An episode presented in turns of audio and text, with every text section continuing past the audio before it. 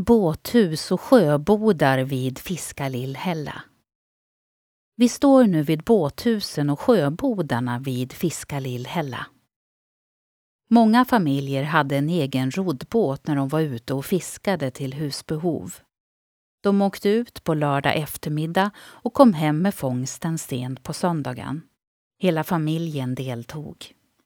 På sommaren metade man och la ut nät. Gädda, abborre och strömming och en och annan mört blev fångsten. En braxen var också vanligt. På vintern när isen låg stark la man ut näten med slanor mellan två isvakar. Senare tog man hjälp av ishästen. Detta är ett redskap som drivs framåt genom att man drar i en lina under isen mellan två borrade hål.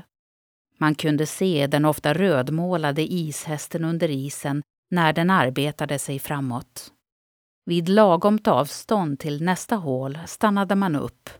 Nu gjorde man en fyrkantig isvak medelst isborr och en kraftig issåg. Tog upp redskapet och satte fast ett nät i den uppdragna linan. Och så matades nätet ut med hjälp av linan vid det första hålet. Väntan var lika engagerande sommar som vinter. Hur stor blir fångsten denna gång? Strömmingen saltade man i stora kar. Kokades till måltiden och åts med potatis och vitsås. Många delikatessfiskar har kommit till genom rökning, torkning och inläggning men innan det fanns kyl och frys var dessa metoder en nödvändighet för förvaring. Det var inte förrän på mitten av 1950-talet som de flesta hade möjlighet att förvara färskvaror i kyl och frys. Gäddsax och långrev var välkända fiskedon.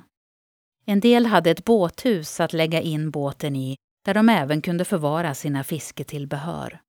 Andra hade en sjöbo där de förvarade sina fiskeredskap och årorna till lekan.